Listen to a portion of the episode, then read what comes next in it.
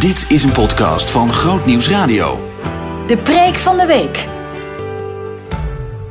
Er kwam een wetgeleerde die hem, dat is Jezus, op de proef wilde stellen. Hij vroeg, meester, wat moet ik doen om deel te krijgen aan het eeuwige leven?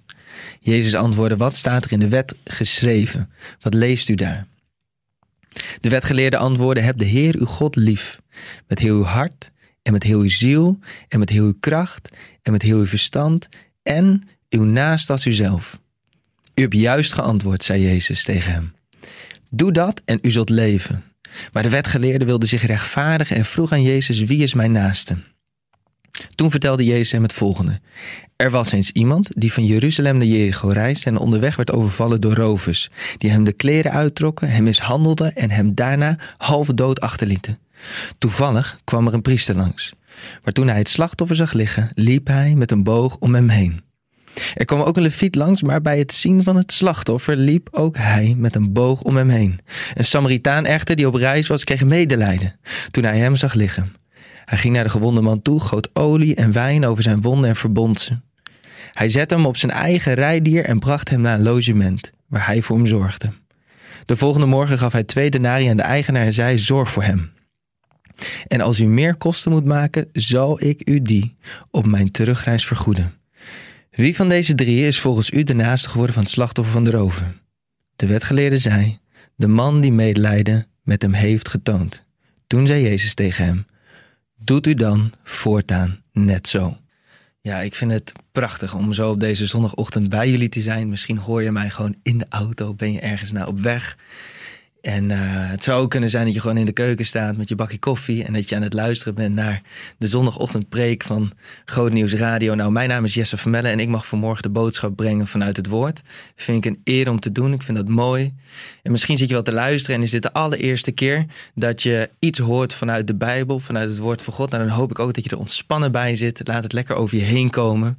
Ik geloof ook echt dat uh, sommige wonderen plaatsvinden op doodnormale dagen. En vandaag is gewoon een normale dag waarin God iets bijzonders kan gaan doen in jouw leven. Een van mijn favoriete thema's, al dan niet mijn favoriete thema om over te spreken in de kerk, is compassion. De hele week staat al een teken van compassion. Je hebt de verhalen gehoord uh, over de kinderen die leven in extreme armoede en het werk wat compassion daarin doet. Maar de vertaling van compassion is medeleven er zijn voor de ander waardigheid verlenen compassion. En ik zou dat vertalen als teamleider van de Muscatlon met het woord gerechtigheid, recht doen. Gelijkheid creëren, ongelijkheid bestrijden.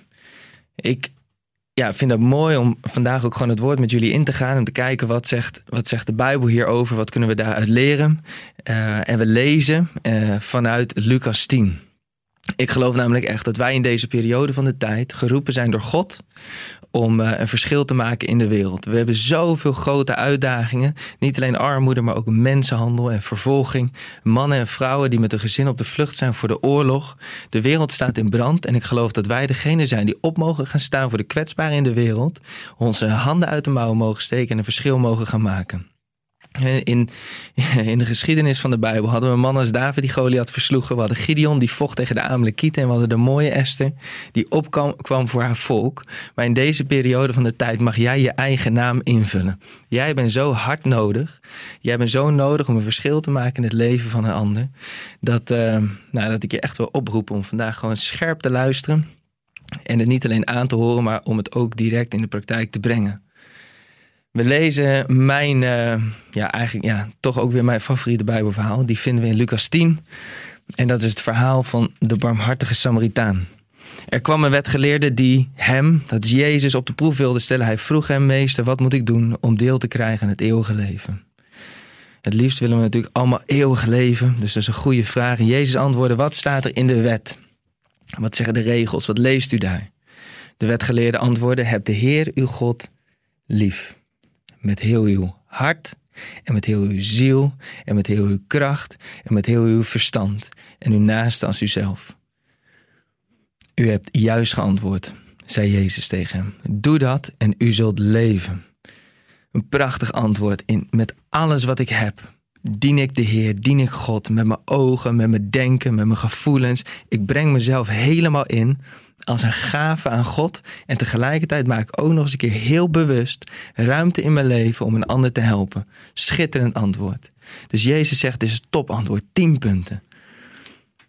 Doe dat en u zult leven. Maar de wetgeleerde wilde zichzelf rechtvaardigen en vroeg aan Jezus: Wie is dan mijn naaste? Wie is mijn naaste? Is een vraag die we onszelf natuurlijk ook altijd mogen stellen. Wie zie jij? Naar wie zie jij om? Om wie geef jij? En toen vertelde Jezus hem het volgende: Er was eens iemand die van Jeruzalem naar Jericho reisde en onderweg werd overvallen door rovers die hem de kleren uittrokken, hem mishandelden en hem daarna half dood achterlieten. Als ik denk aan armoede, dan denk ik direct ook aan een rover. Ik ben op zoveel plekken geweest, onder andere ook met Compassion en met de Muscatlon, op plekken van extreme armoede. En daar kom je mensen tegen die in het leven zijn berooid. Van hun eten, van hun onderdak, van hun waardigheid. En dan kan ik niet anders dan zeggen dat armoede een rover is die meedogenloos is en slachtoffers achterlaat.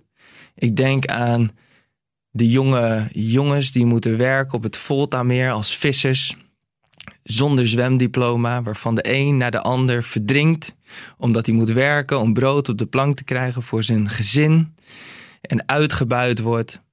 Ik moet denken aan het meisje wat opgroeit in de sloppenwijken van Afrika. En haar lichaam moet verruilen voor een kopje suiker bij de buurman. Omdat ze dat zo nodig hebben als gezin. Ik moet denken aan de moeder die uren per dag moet lopen naar ondiep water met vervuild drinkwater. Wat ze nodig heeft om haar gezin te voeden. Waar ze ook de was mee moet doen. Wat ervoor zorgt dat haar gezin in leven blijft. Ongelijkheid en armoede is een rover en het laat mega veel slachtoffers na. En dan gebeurt er iets op het toneel van de rovers en de slachtoffers. Toevallig kwam er een priester langs. Dank u, Heer. Er is iemand die het slachtoffer ziet. De priester komt langs, maar bij het zien van het slachtoffer liep hij met een boog om hem heen. Er zijn zoveel mensen van wie we ook kunnen verwachten dat als ze het slachtoffer zien, dat ze direct in beweging komen om die persoon te helpen. Maar de priester die, die zag het, maar die besloot om weg te kijken. Eh, zo vaak worden we geconfronteerd met de nood van een ander. En dan hebben we toch een hogere prioriteit. Hebben we toch een ander plan waar we naartoe willen gaan. Hebben we toch een andere missie. Zijn we toch te druk om uiteindelijk stil te staan bij het slachtoffer en het te helpen. Maar ik heb me laten vertellen dat de priester ook niet in aanraking wilde komen met een halfdood slachtoffer. Omdat als het slachtoffer zou sterven op het moment dat hij erbij was, dan zou hij onrein worden. Dat zou betekenen dat het ook verkeerd zou afgeven op het beeld wat mensen hadden van hem. Hij wilde zich niet associëren met het slachtoffer van de rovers. Hij was vies van het slachtoffer. En hij besloot om met een boog om het slachtoffer heen te lopen. Maar met dat hij met een boog om het slachtoffer heen loopt, bidt de priester toch nog een gebed. Heer, stuur maar iemand anders. Herkenbaar gebed of niet. Heer, ik ben te druk, stuur mij iemand anders. En de priester kon goed bidden, dat lezen we in vers 32. Want er kwam een leviet langs. Halleluja, antwoord op gebed. Maar bij het zien van het slachtoffer liep ook hij met een boog om hem heen. Het zijn twee mensen die God dienen, die God kennen, die God liefhebben, die beide het slachtoffer zien en nog steeds wegkijken. De consequentie van de boog, de consequentie van om het slachtoffer heen lopen, resulteert uiteindelijk in het feit dat het slachtoffer van de rovers het leven verlaat. Het, het, slachtoffer zal sterven. Op het moment dat het slachtoffer daar half dood ligt en niemand helpt hem, sterft het slachtoffer. En de priester en de leviet, twee mannen van wie ik het had verwacht, lopen met een boog om het slachtoffer heen. Een Samaritaan echter, die op reis was, kreeg medelijden toen hij hem zag liggen. En ook hij liep met een boog om het slachtoffer heen. Een Samaritaan echter, die op reis was, kreeg medelijden toen hij hem zag liggen. Het was iemand uit een onverwachte hoek die het slachtoffer zag liggen. En hij kreeg medelijden. Hij werd geraakt in zijn hart. De tranen over zijn wangen. Hij dacht, dit kan niet zo zijn. En hij loopt met een boog om het slachtoffer heen. Ja, dat is een beetje exegetische fantasie, want het staat er natuurlijk niet. Hij ging naar de gewonde man toe. Maar mijn punt daar is dat wij zo vaak medelijden hebben met mensen die leven in armoede. We vinden het zo zielig als iemand vervuild drinkwater moet drinken. We vinden het zo zielig als iemand te weinig eten heeft. We vinden het zo zielig als er kinderen worden misbruikt. Het raakt ons hart. We hebben medelijden. We hebben de tranen over ons wangen lopen. Maar uiteindelijk met medelijden alleen overleeft het slachtoffer van de rovers het nog steeds niet.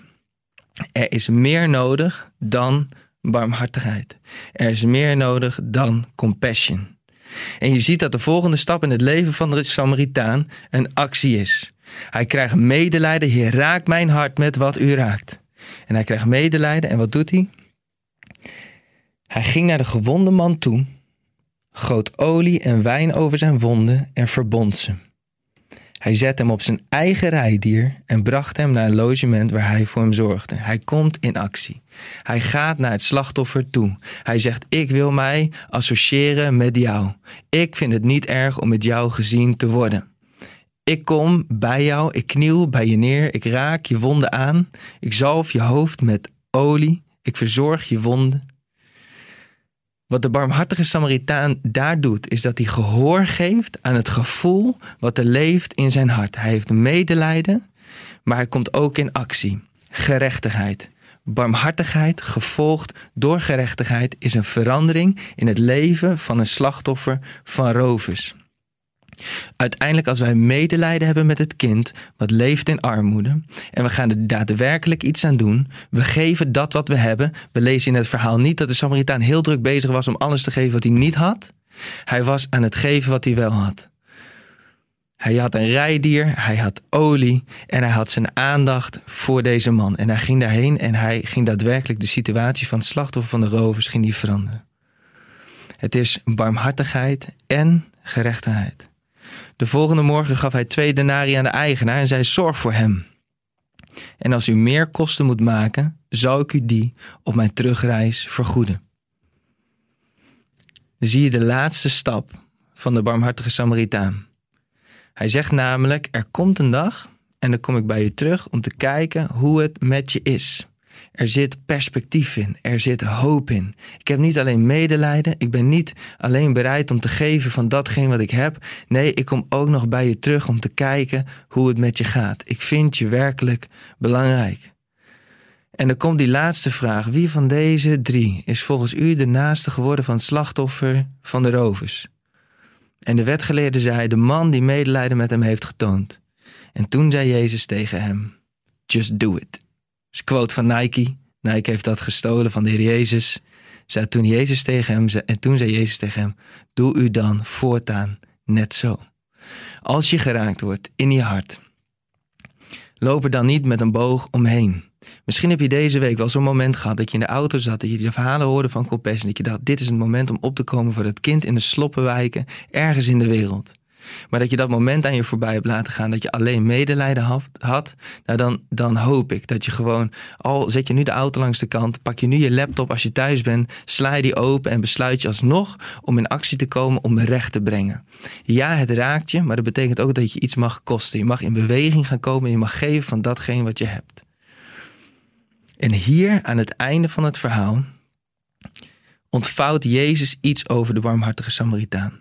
Eigenlijk doet hij dat het hele verhaal al.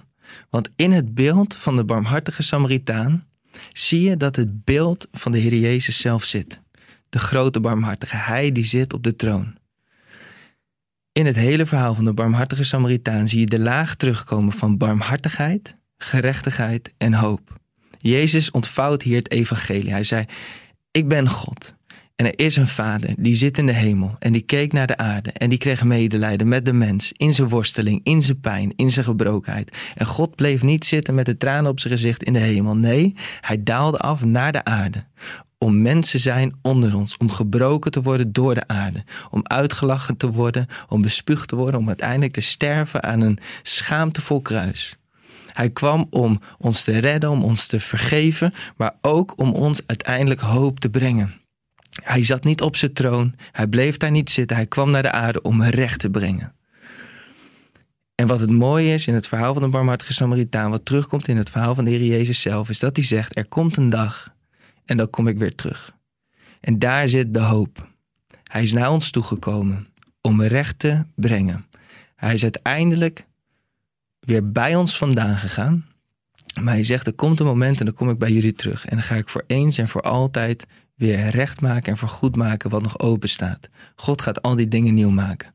Maar ik geloof dat het niet alleen een verhaal is van de toekomst dat Jezus terug gaat komen, maar ik geloof dat in de geest in de Heilige Geest Jezus al teruggekomen is in ons. En dat wij zijn vernieuwende werk op deze aarde mogen brengen. In, het voetspoor, in de voetsporen van de barmhartige Samaritaan, maar ook in de voetsporen van de grote barmhartige Samaritaan. In de voetsporen van de Heer Jezus. Het gebed, Heer, Heer, raak mij met wat u raakt. Laat mij zien wat het kwaad is in de wereld. Ik wil het binnen laten komen. Ik wil me associëren met mensen die het minder hebben dan ik. En ik ga ruimte in mijn leven maken voor een ander. Ik wil net als u recht gaan brengen. En in, in, het, in het recht brengen mogen we steeds de boodschap verkondigen van het evangelie dat er een God is die terug gaat komen en ons gaat vernieuwen. Ik wil je aanmoedigen, gewoon vandaag, om dat gebed te bidden. Om ehm, als je in de auto zit, niet je ogen te sluiten en je handen te vouwen, maar te bidden dat God, uh, dat, dat God je hart bewogen gaat maken. Daar begint het mee. Gerechtigheid begint met met medelijden. Iets wat jouw hart mag raken. En ik hoop dat als je geraakt bent, dat je dan uh, in actie gaat komen. Dat je geen redenen gaat verzinnen in je hoofd dat je al te veel geeft, of dat je te vaak hebt gegeven, of dat dingen aan een strijkstok blijven hangen, of wat dan ook. Elk smoesje wat in je hoofd komt om niet in actie te komen, ik bid dat je die kan weerstaan. En dat je zegt: Ik ga redenen zoeken om wel te helpen. We kunnen allemaal redenen vinden om niet te helpen, maar je hoeft maar één reden te hebben om wel te helpen en hou daar dan aan vast. Laat je raken door het nood van de ander en kom in beweging. Wees gezegend deze zondag en ik hoop dat deze boodschap jou ook heeft bemoedigd en dat je hierdoor echt eh, in beweging mag gaan komen. Behoefte aan meer? Grootnieuwsradio.nl/podcast